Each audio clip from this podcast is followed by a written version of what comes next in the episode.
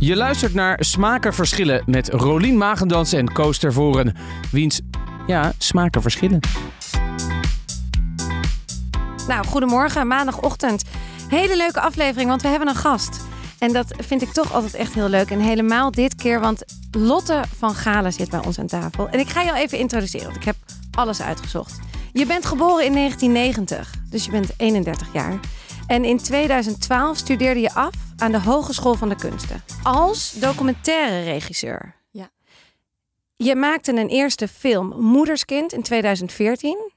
Goed gezocht hoor. 2015, 2015 won je een korte golf publieksprijs voor De aardappeleters en de ontdekking van de kaassoufflé. Ja.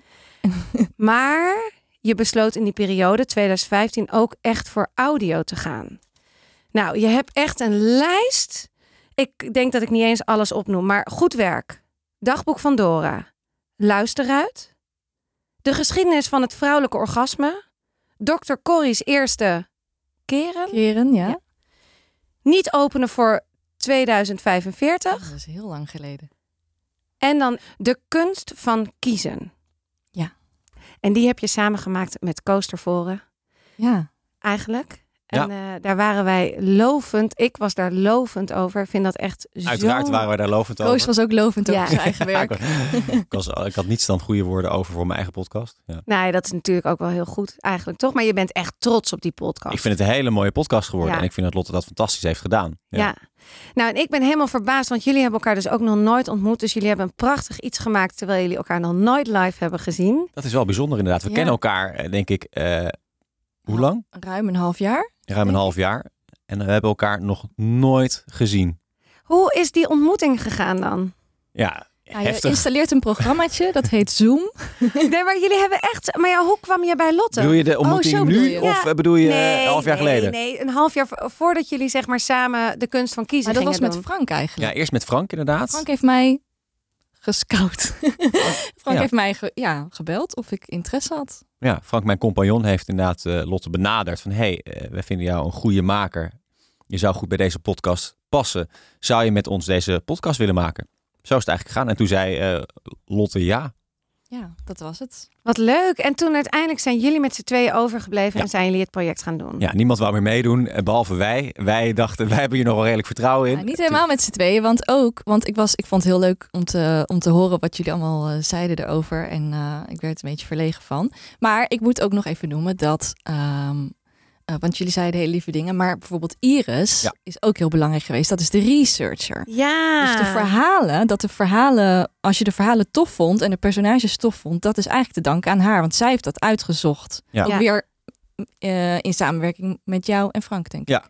Ja, en, en die mensen kunnen ook niet genoeg eh, credits krijgen. Want eh, vaak als mensen podcasts luisteren, denken ze alleen... oh, dit is een podcastmaker, die zal wel alles hebben gedaan. Die heeft dan ook de research, redactie eh, en de opnames, presentatie en de montage gedaan. Nou, zo zit het niet. Soms Dus- wel. Soms wel, inderdaad. Maar in dit geval dus een hele goede researcher, eh, Iris Cohen, die alle verhalen bij elkaar heeft gezocht. En nog meer verhalen uiteindelijk. Hè. Dit hebben we dan voor Nationale Nederlander gemaakt. Leg je dan een aantal verhalen voor aan de opdrachtgever en die kiezen dan een aantal verhalen uit.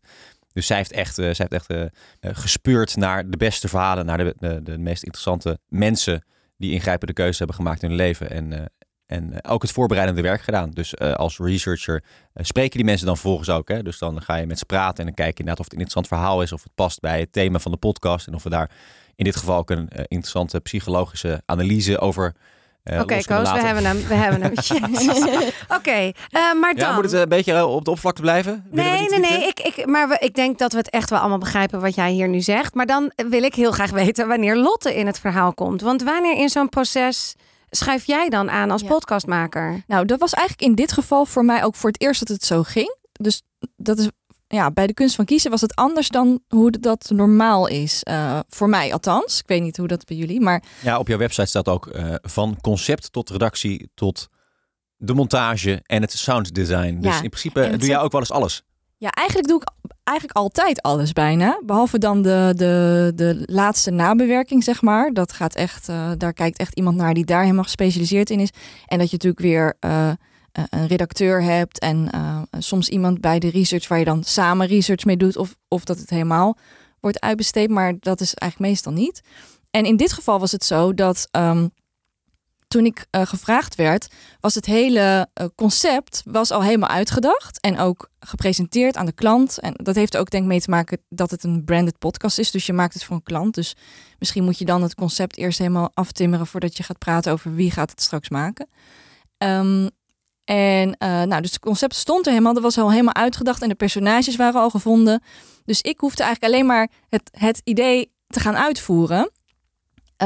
Dus in die zin is ook echt de credits, uh, als je het mooi vond, is uh, echt uh, gaan niet alleen naar mij uit. Want het was niet mijn idee. Ik dacht, ik hoorde het aan en ik dacht, nou, dat klinkt mooi. En volgens mij zijn de mensen die gevonden zijn, zijn het interessante mensen. En ik denk dat ik hier wel, dat weeg ik dan wel af van als ik dat nu ga maken, wat eigenlijk niet mijn idee was, kan ik er dan wel ook alsnog mijn eigen ding een beetje ervan maken. En kan ik het zo doen dat ik echt wel voel dat het ook bij mij past. Precies, wat is dan het eigen ding wat je hebt toegevoegd? Nou, dat zit hem daar denk ik in dat ik het gevoel heb dat degene met wie je samenwerkt, dus nu werkte ik dan uh, met Microphone Media en, en jullie dealen dan weer met de klant, zeg maar. Um, dat je daar een beetje uh, op één lijn zit met die partij, dus met Koos in dit geval. Uh, dat als ik denk van nou inhoudelijk wil ik het zus of zo doen, uh, dat hij ook snapt waarom ik dat wil en dat hij, dat hij waarschijnlijk ook met me eens zal zijn en dat hij dat ook weer kan verdedigen naar de klant toe. Want als je voor een klant werkt, ja, dan moet je dat vaak best wel uh, um, uh, bewaken. Um, nou ja, dat je, kan je weer geluk of pech mee hebben van. Er zijn allemaal verschillende soorten klanten. Ja. Maar je hebt mensen die willen echt woordjes wegen of die willen niks negatiefs erin. Ja. Terwijl ik denk, ja, maar er moet ergens ook frictie zijn. Dus, je, dus het, is, het is altijd even aftasten dan van met wie stap ik hierin en sta, zijn we daar een team in? Of is dat iemand die alleen maar een beetje een doorgeefluikje is? Ja. Of die zegt van nou het moet zo en je hebt er verder niks over te zeggen, Lotte? Ja, want hoe ging dat bij dit proces dan? Heb jij ook echt je eigen stijl er toch in gelegd en gedacht, ja, ik ben gewoon, ik wil gewoon alles van diegene weten. Ik wil, jij bent volgens mij, wat ik een beetje terug zie komen, is echt het menselijke. Dus jij wil echt weten van die persoon, wat voelde die dan? Waarom is hij over die stap gegaan? Wanneer was het moment dat hij inzichten kreeg? Ik heb het even over de koekjesbakker. Oh ja. Die, die, uh, die staat mij heel erg bij. Uh, die, je wil heel erg in zijn leven. Ja. Dat is ja. een stukje van jou, volgens mij echt. Ja, maar er was ook wel. Dat, daarom denk ik dat, het ook, dat, we, dat er ook herkenning was. Dat ik meteen dacht: van ja, dit wil ik wel doen. Dat mer- zag ik ook al aan hoe zij het uh, tot dan toe al hadden aangepakt.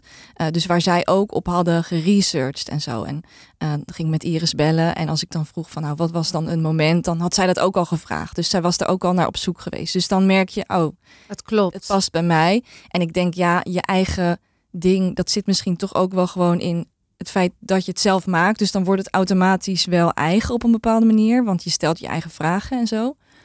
Um, en ik denk dat het ook heel erg zit in montagekeuzes. Dus uh, als ik iets wil, wil uitspinnen of wil uitlichten of ergens... Um, ja, dat, dat daar ook ruimte voor is om ja. dat ook te doen op, op mijn manier, hoe ik dat vind dat het moet, zeg maar. Ja. ja. Kregen jullie veel feedback uh, terug van de klant? Nou, dat is, wel, dat is wel interessant. En dat raakt ook een beetje uh, aan wat jij net zei, Lotte. Wij vinden het namelijk als uh, Maak Familia heel erg leuk om een beetje een strijdje te voeren met opdrachtgevers. Uh, wij zijn eigenlijk allemaal oud-journalisten, dus dat vinden we, vinden ook gewoon leuk om te doen. Want een opdrachtgever heeft altijd een commercieel belang.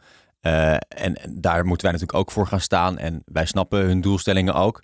Maar wij willen aan de andere kant natuurlijk ook hele mooie producties maken en weinig compromissen doen.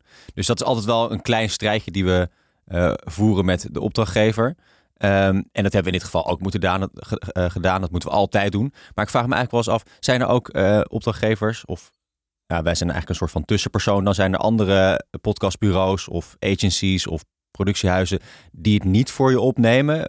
Waarvan je denkt, oh, die staan te veel aan de kant van de opdrachtgever? Mm, ja, ik denk dat die wel bestaan. Je hoeft niet te nemen en shame hoor, maar... Ja.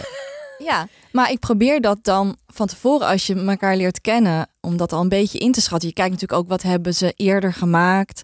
Um, als ik gewoon met iemand ga kennismaken en je kletst over je werk, dan kom je denk ik al vrij snel achter. En soms als je met iemand nieuw gaat werken, dan ja, soms is het ook een gokje. Als het tegenvalt, op een gegeven moment denk je ook van ja, ga ik van alles heel erg een punt maken? Of denk ik nu gewoon, nou jammer, dit was dan niet echt iets waar ik heel trots op ga zijn. En de volgende keer uh, ga ik, ga ik, ik maak geen ja. 2 of zo. Ja. Dat kan natuurlijk ook. Maar uh, nou ja, nee, ik, ben, ik kan echt uh, zeggen dat ik erachter sta dat ik het een mooie serie gevonden, geworden vind. Ja. Is het een serie om trots op te zijn? Ja, zeker. Wat, wat, ik, eh, wat ik wel grappig... Dat klinkt soms een beetje ehm, ondankbaar of zo. Of dat ik niet... eh, ik wil ook niet bedrijven of merken bashen. Maar als luisteraar heb ik in elk geval meestal... dat als ik zie dat iets van een merk komt... dan is het meteen al een reden eigenlijk om niet te luisteren. Want dan denk ik, ja, ik ga niet... Ik wil geen verhaal van een merk horen. Ik wil gewoon een mooi verhaal horen. En dat de belangen waarmee het gemaakt is... die belangen moeten gewoon zijn een goed verhaal wat je wil horen. En eh, ik denk als ik iets voor een merk maak, dan probeer ik het eigenlijk zo te doen dat ik denk, nou, ik ben echt blij dat ik het gehoord heb, dat ik ernaar geluisterd heb, ondanks dat het van een merk was eigenlijk. Ja.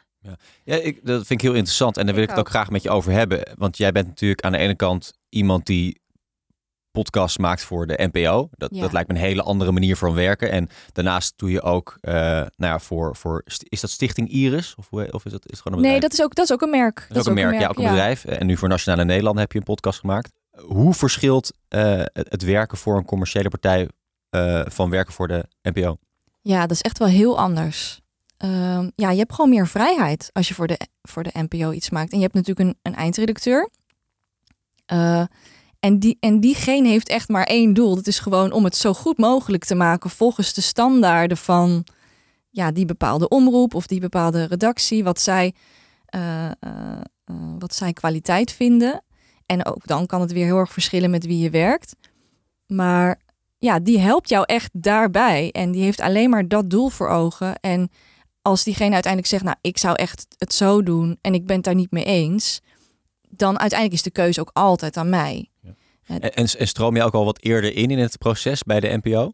Dus nu bij de kunst van kiezen ben je inderdaad als, als, als maker ben je aangehaakt en het concept stond al. Eh, Word je bij de NPO ook betrokken bij het maken van het concept? Nou, meestal, meestal stel ik zelf een concept voor. Dus bij de, bij de NPO maak ik Ja, hoe gaat dat eigenlijk? Misschien Ja. kan je ons even meenemen in, eh, in het proces van Hoe een podcast de- aanvragen en, Ja. en subsidie aanvragen. Want volgens mij is het op subsidiebasis. Ja, er zijn ook weer heel veel verschillende eh, eh, dingen. Dus je kan, als je een serie wil maken, zeg maar, dan ga je echt voor een grote productie en een groot bedrag ook.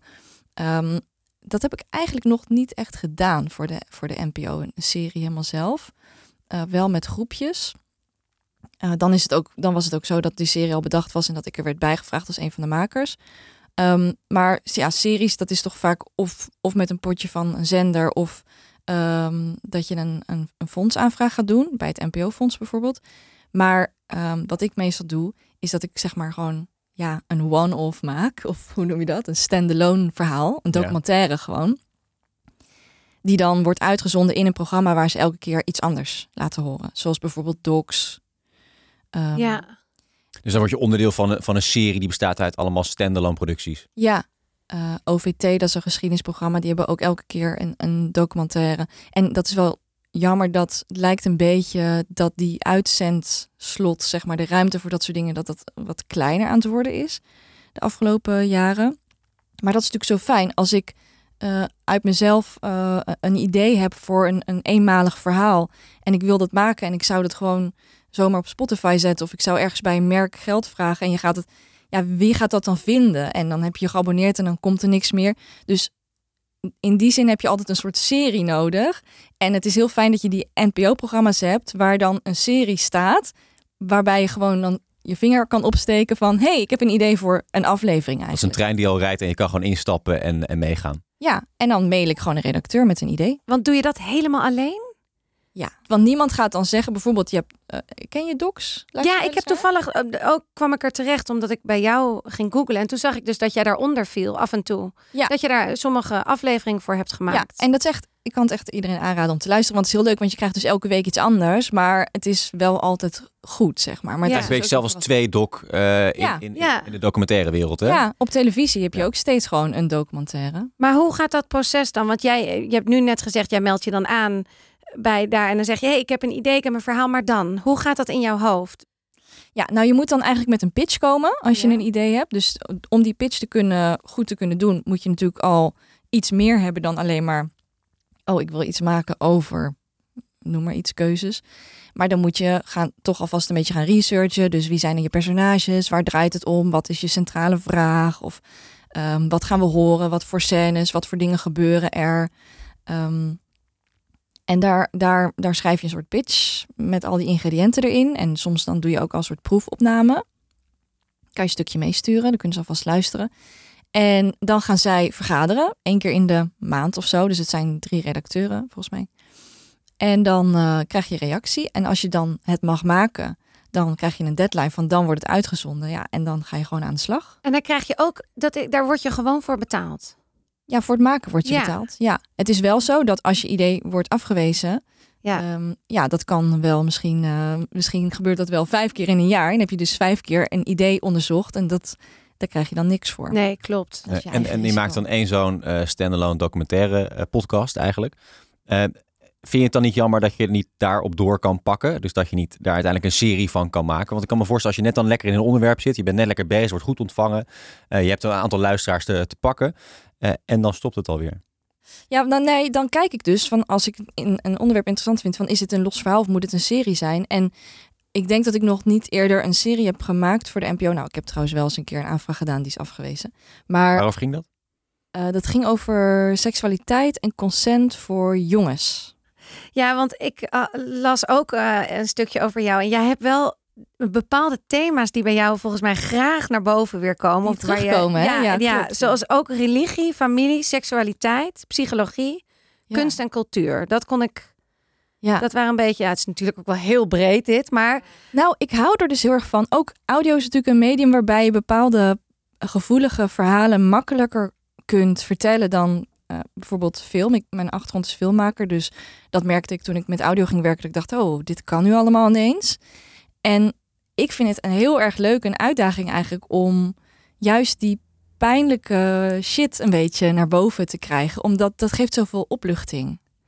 En dan blijkt dat het allemaal wel meevalt en dat ieder- iedereen zich erin herkent en dat je niet alleen bent en dat je erom kan lachen. En nou, dan hebben we het over pijnlijke dingen en taboe dingen en zo. Maar seks kan natuurlijk ook gewoon leuk en gezellig zijn. Maar ehm eh, het is gewoon een breed thema. Wat gewoon heel erg volgens mij, ja, wordt misschien... Nou ja, er wordt wel steeds meer over gesproken, denk ik. Ja. openbaar. Maar het gaat ook over het leven en Ja. over wie je bent en hoe je je voelt en hoe je relateert met andere mensen Ja. en hoe je in je lichaam zit. Dus voor mij is het zo'n onderwerp wat in principe al die dingen ook aan kan raken. Ja. Ja. En, en dat is inderdaad, dat, dat lucht op eh, voor die mensen zelf, omdat ze erover spreken, misschien voor een luisteraar. Maar heb je ook een, een, een bredere maatschappelijke missie met de producties die je maakt? Wil jij elk eh, taboe doorbrekend zijn en iets in beweging zetten? Wil je iets agenderen? Nou, dat heb ik eigenlijk nooit zo bewust echt gehad. Of dat ik denk van, ik ga echt eh, als een soort activist dat dingen maken. Want de onderwerpen die je kiest, doen dat wel op een bepaalde manier. Ja, vind je? Nou ja, eh, consent eh, onder jongetjes van eh 14 jaar, Ja. dat is toch niet iets waar we normaal over praten. Nou, dat was misschien een. Ja, ik denk dat ik steeds meer een beetje die kant op ga. Maar dat ik ook nog aan het aftasten ben van wat. Sowieso, ik weet niet of dat ooit klaar is hoor. En ik weet ook niet wanneer je dan een beginnende maker bent en wanneer niet meer. Maar ik ben denk ik nog wel een beetje op zoek van wat is mijn stem als radiomaker en hoe kan ik die gebruiken en ehm, waar ligt voor mij de balans tussen ook iets willen agenderen, maar eh, een beetje voor, in, in een soort vermomming. Want ik wil gewoon dat het leuk is en ontroerend en entertaining en dat je het Ja. echt wil luisteren, niet dat het huiswerk is. Eh, maar, maar ja, is, is, is, het maatschappelijke onderwerp dan een, een middel om te, te entertainen? Nee, nee, nee. Het entertainen is, dat, dat vind ik het leukst. En eh, dat je gewoon, dat je echt zin hebt om er naar te luisteren. En daar, daar draait het voor mij om. En als je dat kan, of als je dat aan het leren bent, dan is natuurlijk de vraag van, nou, oké, dan kun je dus over heel veel onderwerpen kun je iets zeggen. En wat vind je dan interessant en wat vind je dan misschien ook belangrijk af en toe? En het idee voor die serie over consent, dat kwam eigenlijk voort uit dat ik voor een ander project, dat was een webserie eh, met allemaal korte verhaaltjes voor jongeren. En daar had ik drie afleveringen voor gemaakt en die gingen allemaal over seks eigenlijk. En toen kwam ik er toevallig achter, door een van die afleveringen.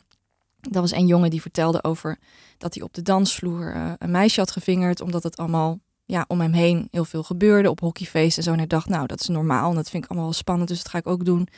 Maar toen kwam hij er daarna eigenlijk achter dat hij het helemaal verkeerd had aangepakt. En dat zij dat eigenlijk niet had gewild. En ja, En ze waren heel jong dus ze ook. waren heel jong en hij was eigenlijk gewoon, het was echt onkunde. Helemaal niet, eh, eh, ja, hij, hij is daar eigenlijk zelf ook door beschadigd. Ja. geraakt. En toen dacht ik, jeetje, hoeveel. Toen ben ik door gaan vragen, ook in mijn omgeving. En dan blijkt gewoon dat heel veel mannen daar zo'n soort verhaal hebben. Ook mannen die gewoon 40, 50 zijn, die dat nog precies weten. Ja.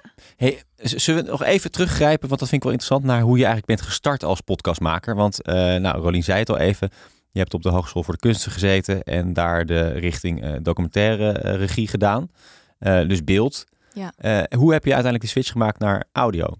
Ehm, dat kwam eigenlijk door VPRO Dorst. Kennen jullie dat? Ja, zeker. Ehm, dat is dus een, eh, ja, een afdeling eigenlijk van de VPRO waar je als jonge maker een beetje kan experimenteren en een kans krijgt wat makkelijker.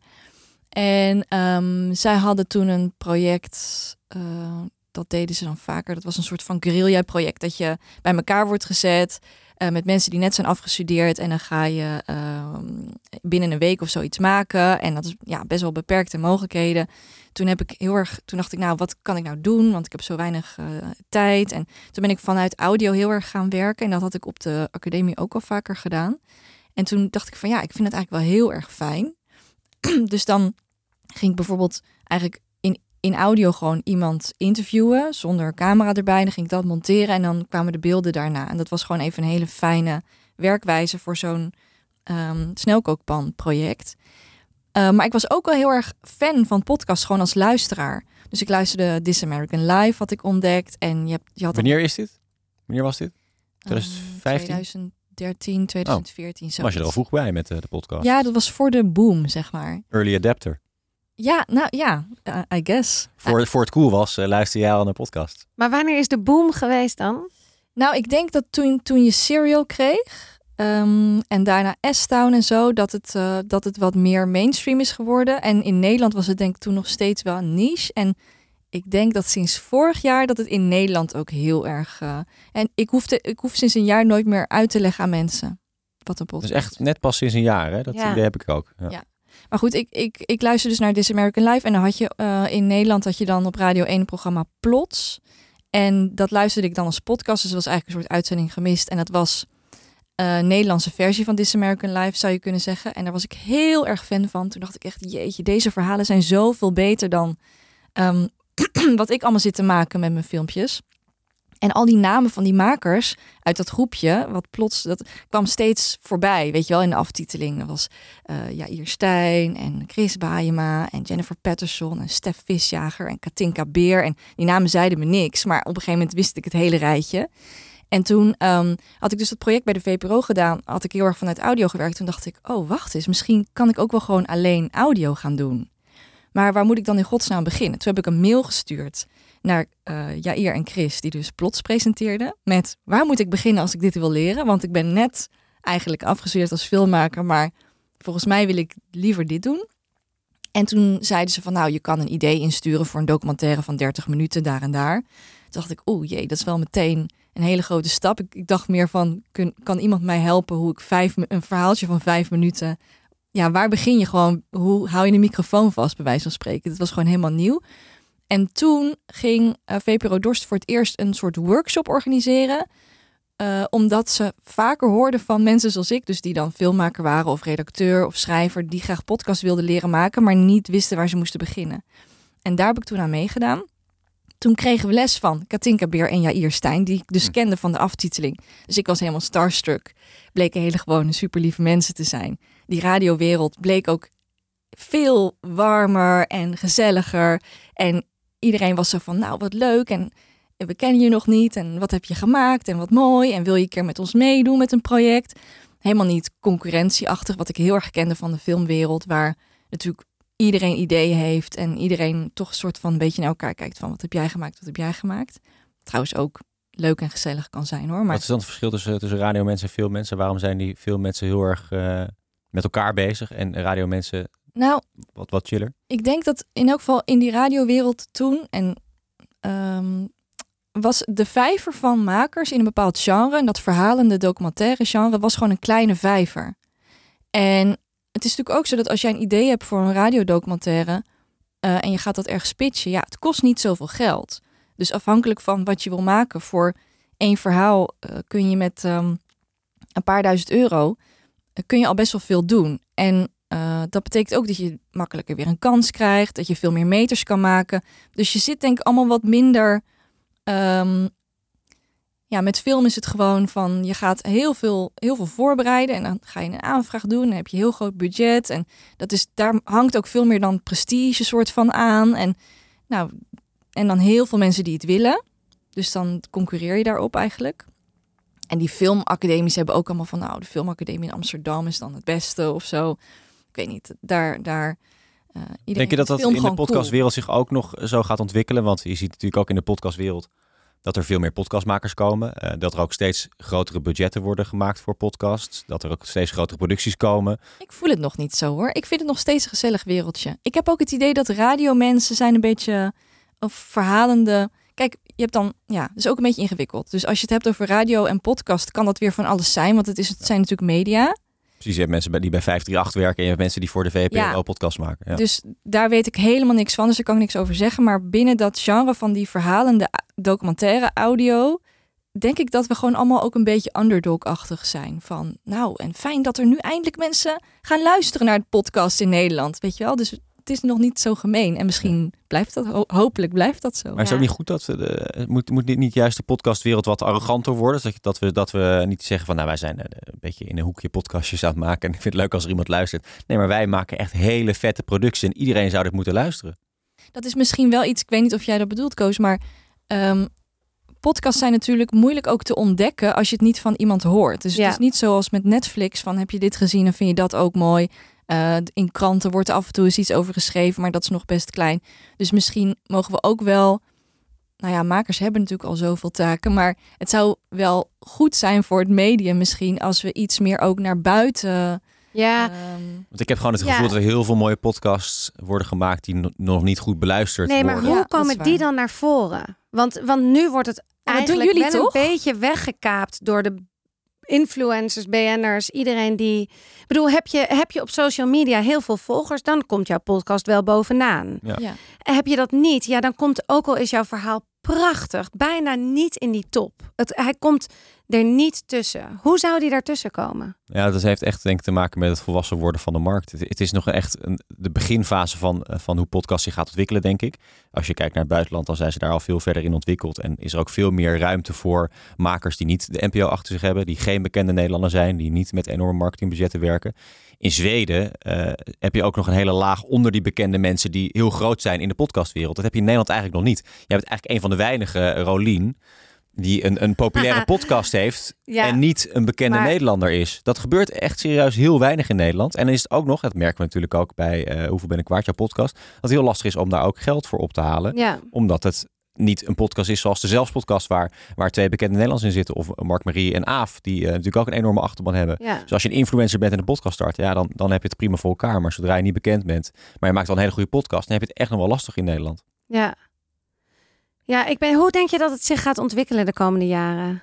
Ja, ik denk dat kwaliteit uiteindelijk wel naar boven komt drijven. Daar vertrouw ik dan maar op. En ik denk ook dat ja, er gewoon eh, verschillende dingen kunnen volgens mij gewoon naast elkaar bestaan. Dus dat, dat bepaalde kletspodcasts goed beluisterd worden, omdat daar BN'ers in zitten, dat is prima. En ondertussen heb je ook, zoals bijvoorbeeld de plantage van onze voorouders. Nou, daar is heel veel aandacht uh, voor geweest. Dat heeft prijzen gewonnen. Uh, er wordt over geschreven in de media. Dus dat wordt uiteindelijk ook heus wel gevonden. Misschien hebben we goede PR-mensen nodig of zo, die ook um, uh, die, die dat soort uh, shows een beetje kunnen ja. ondersteunen. Ja. Want als je daar niks aan doet, ja, en je maakt iets misschien voor de VPRO en uh, die delen het een keer op hun socials en dat is het. Maar ik vind ja. de plantage voor onze voorouders vind ik niet per se een underdog pot, want die wordt gewoon namens de VPRO wel ook gepusht natuurlijk. Ja. Dus het, is, het is niet een, een, een zelfstandige productie, toch? Uh, nee, ja, wat, wat versta je onder zelfstandig? Nou, dus dat je dat je hebt natuurlijk ook veel podcasters die met niemand samenwerken. Ja, nee, oké, ja.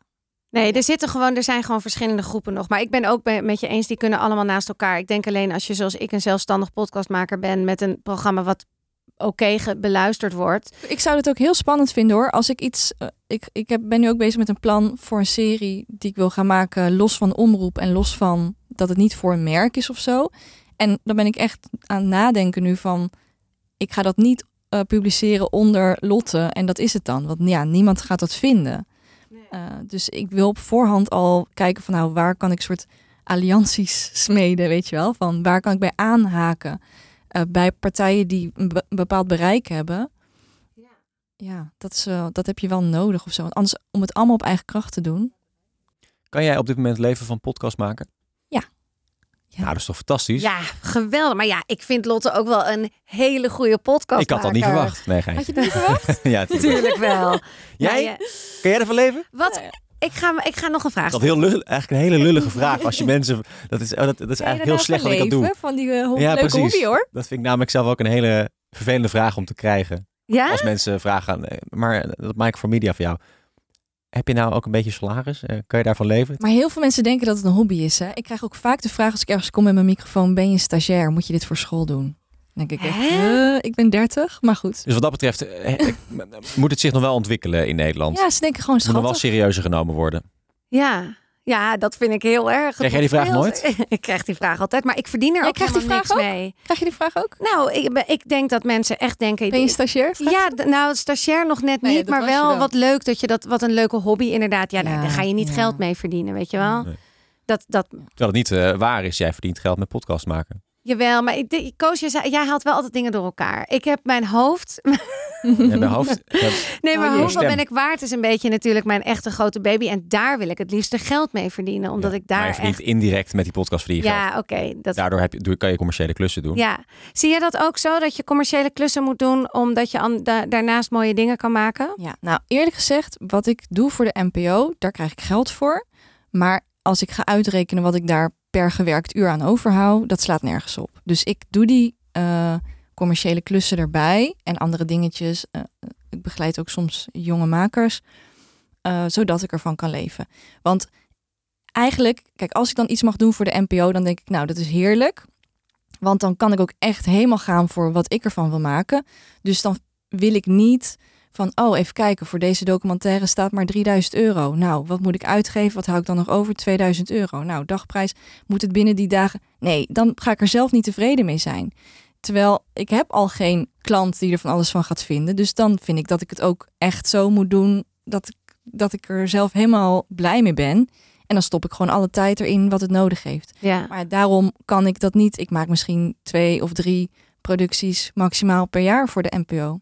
Ja. Want anders dan kan ik er niet van leven. Nee, want je moet dus die andere klus doen. En, en ho- hoe lang ben jij bezig met één aflevering van De Kunst van Kiezen? Als ik er zeg maar naartoe ga voor de opnames, dan ja, dat, dat is zeg maar ergens tussen een halve dag en een dag of zo. Als het heel ver weg is, dan ben je een hele dag weg. Maar goed, dan heb je nog niet zoveel gedaan. Dan zit je het in de auto. Ehm, en het monteren, eh, ja, dat gaat ook weer in, in, in versies, zeg maar. Dus daar zit gelukkig dan steeds wel tijd tussen. Dat is niet zo dat ik daar twee dagen vol aan zit en dat het dan klaar is. Eh, want dan heb je ook helemaal geen frisse oren meer tussendoor, zeg maar. Dus dat is wel uitgesmeerd over een periode van twee weken of zo, waar ik steeds een stukje doe. Maar als ik alles bij elkaar optel, dan denk ik dat dat eh, wel twee dagen montage zijn of zo per aflevering. Ja. En dan, als je dan nog veel achteraf kleine dingetjes hebt, weet je wel, van dit detail moet even anders, dat even aanpassen. Dan eh, op het laatste voice-over in één keer helemaal goed inspreken. Eh, er moet nog een teasertje van gemaakt worden, dus er komen nog kleine dingetjes na. Ja. Ja, dus dat komt er dan ook nog bij. Dus eh, ik mag toch wel zeggen dat je ongeveer vier dagen per aflevering bezig bent. ja, ik denk het wel. Ja, ik zou even in mijn boekje moeten kijken. Hou maar- je dat bij? Nou ja, niet mijn boekje, maar mijn spreadsheet. Ja, ik hou wel mijn uren bij. Ja. Ja, wat goed. Ja, dat heb ik dus helemaal. Ik heb dus laatst één gemaakt voor de provincie Noord-Holland. Tien, Ja. eh, een serie van tien. Wat leuk. Tien ja, afleveringen. Heel leuk. Ja, het is nu afgelopen. Eh, ze staan allemaal online. Of er komt er nog één online. 7000 euro verdiend. Ja, Rolien doet altijd een beetje zielig. Ik verdien niks met podcast maken. Nee, dat is niet, dat is niet nou, waar. voor tien afleveringen, dat is 700 euro per aflevering. Ja, is- is geen vetpot. dat- nee, dat- en ik ben dus, eh, er was afgesproken anderhalve dag ben je per aflevering bezig. Dat klinkt, ja. Nou, keer, de- dat keer twee eigenlijk. Want ik ben gewoon per aflevering drie dagen. Het- omdat ze twee sprekers per aflevering willen. Dus het is veel meer werk dan ik dacht. Is ook niet erg, want het was mijn eerst betaalde klus. En ik ben super blij en dankbaar. En ik vond het ook echt wel heel erg Ja. leuk. Maar het is, je moet inderdaad goed bijhouden hoeveel je daar. Ja, en dat leer je ook met ervaring, hè? Ja. Want ik kan steeds beter inschatten hoeveel tijd iets me kost. En, en, en soms zijn er ook, bijvoorbeeld als ik iets ga doen, eh, een, een bepaald element ergens van eh, wat voor mij nieuw is, wat ik nog niet zo goed kan, dan weet ik dat ik er veel te lang over ga doen. Maar dan verwacht ik niet van die klant dat hij me dat allemaal gaat betalen. Ja, tenzij het een of andere dikke, eh, ja, Grote, dik bedrijf ja. is en zo, dan, dan bluff ik natuurlijk dat het al Ja. veel tijd kost. Maar ja, dan weet ik gewoon, ja, dat zijn mijn eigen studieuren, zeg maar. Uiteindelijk moet ik het wel in deze tijd kunnen. En dan reken ik ook wel dat ervoor. Maar ik vind het wel heel leuk dat, je- dat zeg maar, luisteraars soort van live kunnen meeluisteren wat jouw proces is. Want ja, je zit gewoon, je bent ook af en toe aan het hannissen. Of dan denk je, oh, dat, dat was helemaal niet goed. En Ja. dat deel je allemaal. Dat is eigenlijk super leuk. Het is ook een soort live. We kunnen allemaal meekijken hoe Ja. jij dat allemaal. Ook via hoeveel ben ik waard ook bijvoorbeeld. Ja, maar ook dat je dit nu dit zo nu, deelt. ja. Ja, daar zou ik, dat vind ik ergens bij hoeveel ben ik waard ook wel leuk om dat allemaal te delen, dat proces hoor, inderdaad. En dat is ook, want het is gewoon een struggle. En helemaal omdat je, omdat je gewoon tussen, ik, ik ben niet, ik ben geen documentairemaker, want daar hadden we het net ook even over. Dat ben ik niet. En ik weet ook niet of ik dat word en ik weet ook niet of ik dat wil. Dat wil je niet. Nee, ja. want ik ben gewoon host en ik zou het liefste willen dat Hello Fresh mij volgende week belt en zegt we gaan een achtdelige serie maken, koken met Rolien, weet ik veel. En eh, ik ga bij tien mensen langs en ik, we maken daar een leuke. Dat vind ik heel leuk. Ja, ja, Ik ben meer die Chantal Jansen die gewoon. eh, ja. Dat vind ik een leuk stukje. Ja. En dan ben ik ook niet. Ik hoef ook niet altijd alleen maar praat. Ja, nee, ik weet het niet. Laten we weer even over Lotte praten. Ah. Ja, Lotte- maar ik zit Nee, veel ik te veel. Nee, heel leuk. goed. Het is heel interessant. Ja. Tuurlijk. Maar Lotte, jij zei, ik ben ook een beetje op zoek naar mijn stem. Ben jij Ja. niet gewoon een documentairemaker in audiovorm? Ja, dat ben ik wel. Maar daarbinnen kan je natuurlijk nog weer heel veel ja, aanpakken. Of ehm, wat voor onderwerp je kiest. Maar ook wat voor toon of vorm. Soms dan hoor ik iets van iemand anders en denk ik... Wauw, dat is te gek. En die hebben het helemaal zo gedaan. En wil ik het ook uitproberen. Of, ja, dus ik, ik, ik probeer daar wel... ehm, ik, merk, ik merkte in het begin, toen ik net begon... dat ik wel echt beïnvloed was. En misschien is dat nog steeds wel een beetje door de mensen waar ik naar luisterde en ook de mensen die mijn redactie deden, dat je toch kiest voor een bepaalde stijl van voice-over, hoe je je teksten schrijft, hoe je je verhaal monteert. En eh, dat is ook logisch, dat is ook goed, want in het begin je hebt natuurlijk een soort referentie ook nodig of ja, je vindt iets vet en dan wil je dat ook doen. Maar er is nog veel meer mogelijk. En het is ook heel erg jammer als alles hetzelfde zou gaan klinken, want dat ga je op een gegeven moment ook weer terug horen bij anderen, weet je wel, van oh, die zijn fan van eh, van eh, dit of dat. En dan hoor je dat echt terug in wat ze zelf ook maken. Ehm, terwijl ik heb bijvoorbeeld een jaartje ehm part-time, dat was tijdelijk. eh, iemand ging met zwangerschapsverlof en toen kwam ik daar toevallig terecht. Eh, bij de VPRO op een redactie gewerkt van een archiefprogramma eigenlijk. Dus het was een nachtprogramma wat één keer in de week werd uitgezonden, radioprogramma. En dan gingen we altijd rond één thema, gingen we dingen zoeken uit het radioarchief die daar dan iets mee te maken hebben. En daar gingen we dan een hele uitzending mee vullen van vijf uur. Dus mijn werk was dan gewoon als ik daar zat, zoeken in beeld en geluid, luisteren. lu- Als iets niet interessant is, zodra je het hoort, afzetten en naar het volgende en dingen eruit kiezen. En dat heeft me ook wel echt ehm, een beetje wakker geschud van, ga nou ook maar eens even wat, wat andere dingen uitproberen Ja. of zo. Niet dat ik dat al heel erg aan het doen ben. Misschien in het micro, misschien valt het niet eens op als je ernaar luistert, maar dat ik ook wel denk van, ehm, ja, ik, ik ben benieuwd waar ik uitkom. Ja, en, Ja. En, en wat denk je als ze over 30 jaar eh, de archieven induiken en eh, ze luisteren naar jouw podcast? Wat gaan ze dan zeggen? Oh, dat was Lotte van Galen. Die experimenteerde toen al met dit, dat en dat. Wat, eh, wat gaat het zijn? Nou, nee, ik denk niet dat ik een soort nieuwe eh, trend ga uitvinden of zo. Ik denk dat. Maar op eh, niet microniveau doe je natuurlijk wel wat dingetjes zijn. ja, maar dat, zijn, dat is ook vaak gewoon hergebruik hoor, bij wijze van spreken. Of dan, ja, eh, ik heb niet het idee dat ik echt nieuwe dingen uitvind. Maar dan hoor ik eigenlijk iemand anders iets nieuws doen. En dan denk ik, oh, zo kan ik dat ook wel eens doen. En wordt Lotte groot? Word jij een grote naam binnen de audio? Ja, misschien, ik weet het niet. Maar zou je dat willen? Is die ambitie er om echt dat mensen gaan zeggen: Oh, met Lotte wil ik samenwerken? Dus wat jij vroeger had met toen jij luisterde naar Plots. Ja. Ehm, nou, ik ben er eigenlijk niet zo mee bezig. Ik hoop wel dat wat ik maak, dat dat veel mensen gaat bereiken. Want eh, ja, dat vind, ik gewoon, dat vind ik gewoon gaaf. Dus, maar dat hoeft niet per se. Als iedereen met je samen wil werken, heb je ook heel veel werk. Want dan moet je aan iedereen gaan Ja. kijken: van, nou, wil ik dat ook of niet? Ja. Moet ik daar dan nu mee gaan koffie drinken? Dus dat, dat, ja, dat weet ik niet zo. Maar ik hoop dat ik wel eh, ja, dat luisteraars mijn werk weten te vinden. Ja. Ja. En wat luister jij zelf? Ja, ehm, nou ja, ik, ik ben dus echt eh, eh, de podcast gaan ontdekken via This American Life. eh, een soort van de moeder van alle podcasts. En, eh, en Plots, dus wat een soort Nederlandse variant was daarvan. En de 1 minuutjes ook, die diezelfde makers maakten. Dat waren allemaal verhaaltjes van één minuut. Heel erg leuk. Volgens mij kan je die ook nog vinden als, Hm. als podcast. Niet op Spotify, denk ik, maar wel andere apps. Maar ja, nu, ja, ik hou gewoon heel erg van die verhalende radio. Dus eh, in de tijd, eh, Serial bijvoorbeeld, was ik nooit zo heel erg fan van. Maar wat daarna kwam, S-Town vond ik geweldig. Ik hou heel erg van eh, Schik, eh, de, de Vlaamse maakster Ja. van Schik. Wat maken. Ja. Ja, Bob. Toch? Bob hebben zij gemaakt. ja. en, eh, El Tarango. El El Tarango. Laura H., dat soort Ja. hun, hun werk. Zodra zij iets maken, ga ik het meteen luisteren. Ehm, Wanneer komen ze denk je weer met nieuw werk?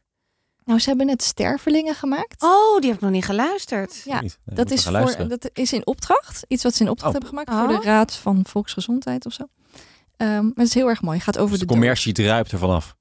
Nee, nee, zij zijn heel goed in staat om dat eh, hun eigen ding eh, van Zij zijn met z'n drie, hè? Drie meiden. Ja, en ze hebben dan met eh, Randy samen eh, hebben ze nog weer een soort eh, eh, ja, constructie waarmee ze ook opdrachtwerk doen. Ja. Randy is echt jouw mentor, hè? Dat eh, Ja, Randy is Ja, een beetje. ja, we hadden het net over, Randy voordat we, Ja. voordat we hier begonnen. Want eh, ik zei van volgens mij wat voor Rolien, eh, wat Koos jouw is, koos ja. is, dat is mijn Randy. Ja. Ja, ik heb nu echt al heel lang niks meer eh, met hem, niet meer met hem samengewerkt. Of wil je wat tegen hem zeggen via deze week?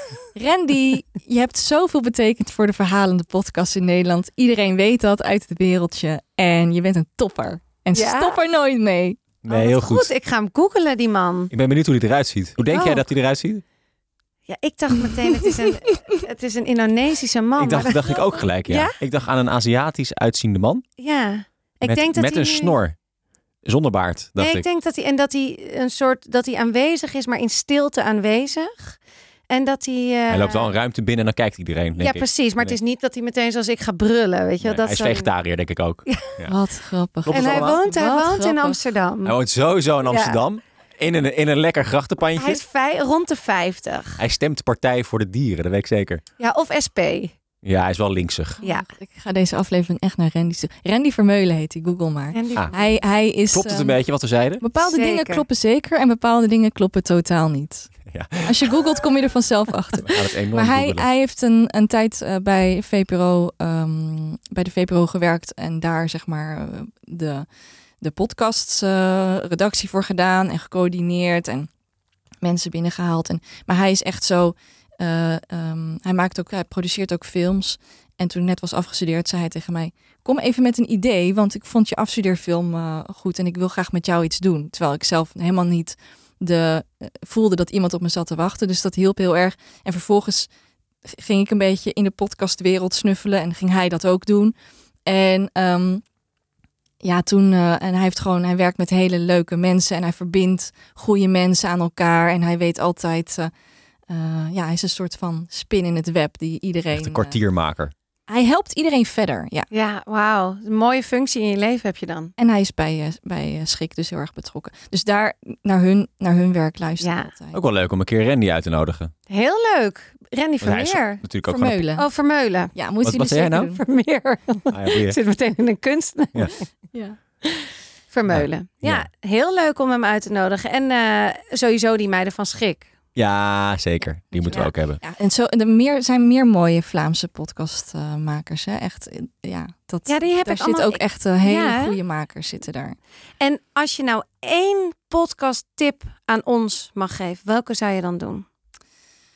Oh, dat vind ik echt een onmogelijke vraag. Want dan moet ik dus kiezen. Ehm, moet het iets recents zijn? Nou, misschien wel. Dat vind ik wel leuk. Nou, ik, wat ik echt een hele mooie podcast vind, waar de laatste aflevering nog van online moet komen. Dus dan kan iedereen het gaan bingen. En tegen de tijd dat je dan daar bent, dan komt, er, komt die laatste online. Die heet Cassie Weilen. En- Gaat over de dood, toch? gaat over de dood. Podcast van Laura Stek en Babs Bakels. En ehm, ja, heel mooi. Gaat over dood, maar je wordt er niet eh, depressief van. Ze gaan eigenlijk een soort van op zoek naar hoe we cultureel gezien omgaan met de dood. En ook eh, hoe dat in de geschiedenis was. En eh, hoe dat eh, door de lens van eh, kunst bijvoorbeeld is. Maar er zitten ook persoonlijke verhaallijntjes doorheen. Dus een van de makers, Babs, Zij is kunstenares en curator en ze is heel erg met de dood bezig. Die andere maker, Laura Stek, is een radiomaker die eigenlijk de dood een beetje spannend vindt. En gaan samen op ontdekking. Maar Babs die heeft ook een hele hechte band met haar oma, die al hartstikke oud is. En dat is echt een fantastisch personage. Echt geweldig, die oma. Ik ben helemaal fan van de oma van Babs. Ehm, nou ja, er zitten hele mooie scènetjes in. En, uh, ik ja. zag hem al een keertje op je Instagram voorbij komen, geloof ik. Ja, ik maar heb je al een keer naar verwezen in je stories. Toen dacht Oh, ik, hé, die moet ik al een keer gaan luisteren. Ja. Dus dat gaan we zeker doen. Ja, Luisteren. En bespreken in smaakverschillen. zeker. Dit was hem, hè? Lotte, Ik heb eigenlijk nog meer vragen, maar we, we- het is gewoon te lang. We Volgens moeten hebben we, heel lang gepraat. we gaan. ja, eh, we hebben we- lang gepraat. Maar het, ik vond, het was ook heel interessant. Dank je wel voor je komst. ja, Ehm, bedankt voor de uitnodiging. Ik vind het helemaal eervol. We zijn zeker geïnspireerd geraakt. En eh, ehm, tot de volgende keer. Dankjewel.